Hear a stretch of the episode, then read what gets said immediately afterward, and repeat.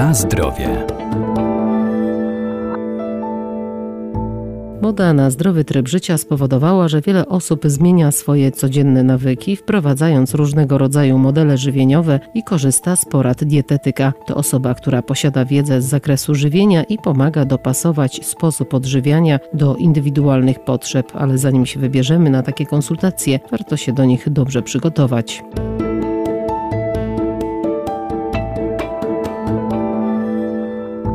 Dietetyk to specjalista medyczny zajmujący się m.in. wdrażaniem zasad racjonalnego odżywiania czy planowaniem żywienia. Z porad i usług dietetyków korzysta coraz więcej osób. Wzrasta też liczba gabinetów. Podczas wizyty m.in. wykonywane są badanie składu masy ciała i oznaczanie wskaźników, które mają znaczenie w ocenie zagrożenia chorobami związanymi z nadwagą czy otyłością. Przychodzi pacjent do dietetyka. Taką powszechną pracą dietetyka jest odchudzanie, chociaż jest ponad 80 jednostek chorobowych gdzie pacjentowi możemy pomóc dietą. Dietetyk kliniczny Anna Wrona. W niektórych jednostkach chorobowych, jak na przykład celiakia, dieta jest jedynym lekarstwem, ale w takich chorobach jak e, miażdżyca, czyli podwyższony cholesterol, te efekty u pacjenta zdyscyplinowanego mogą być podobne do statyn, czyli do takich podstawowych leków pierwszego rzędu. Czyli naprawdę warto. Wybierając dietetyka, warto tutaj sprawdzić jego kompetencje. Warto, żeby to był specjalista po studiach, jednak i żeby się stale kształcił.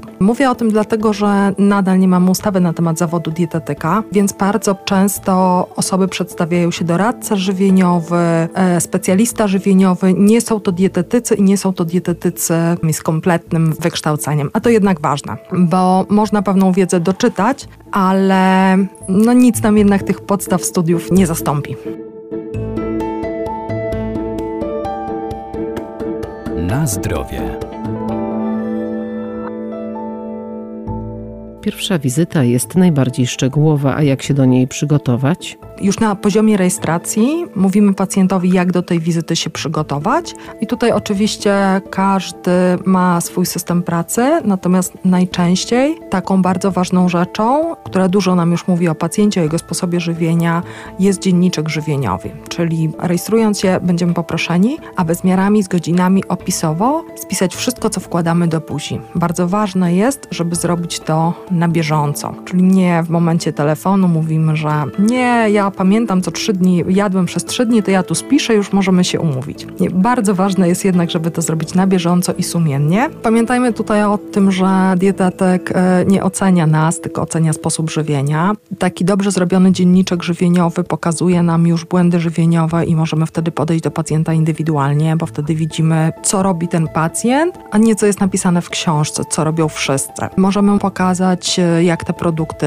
zamienić, w którym miejscu one będą właściwszym wyborem. Możemy dobrać odpowiednią ilość posiłków. Naprawdę bardzo dużo widać w takim dzienniczku. I mimo tego, że na pierwszej wizycie ja zbieram bardzo dokładny wywiad i pacjent opowiada mi o tym, jak wygląda jego tryb życia, jak wygląda jego żywienie, to bardzo często nie pokrywa się z tym, co jest w dzienniczku żywieniowym. I tutaj powstaje wtedy bardzo wiele pytań i można właśnie e, podejść do pacjenta indywidualnie. Drugą bardzo ważną rzeczą, o którą poprosi nas dietetyk, to są wyniki badań laboratoryjnych. Taka podstawowa morfologia, ale też lipidogram, czyli cholesterol, który pokazuje nam część metabolizmu, ale na przykład kwas moczowy, glukoza, insulina. Takie podstawowe profilaktyczne badania, e, na które od czasu do czasu lekarz rodzinny nas kieruje i pewnie każdy z nas takie badania ma. I kolejna sprawa to lista leków, które przyjmujemy. Tutaj ważne jest wszystko, czyli jaki to jest preparat, y, w jakich dawkach, od jak dawna. Również ważne są suplementy i bardzo ważne są też zioła, bo one również wpływają na nasz organizm. Podczas takiej wizyty też ważymy się, mierzymy, określamy wskaźnik BMI bądź wskaźnik WHR, najczęściej jeden i drugi. Oceniamy ryzyko zdrowotne. No i po takiej wizycie układamy zalecenia żywieniowe.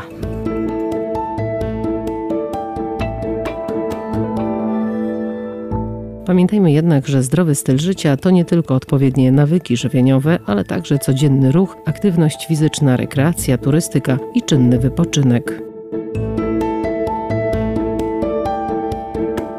Na zdrowie.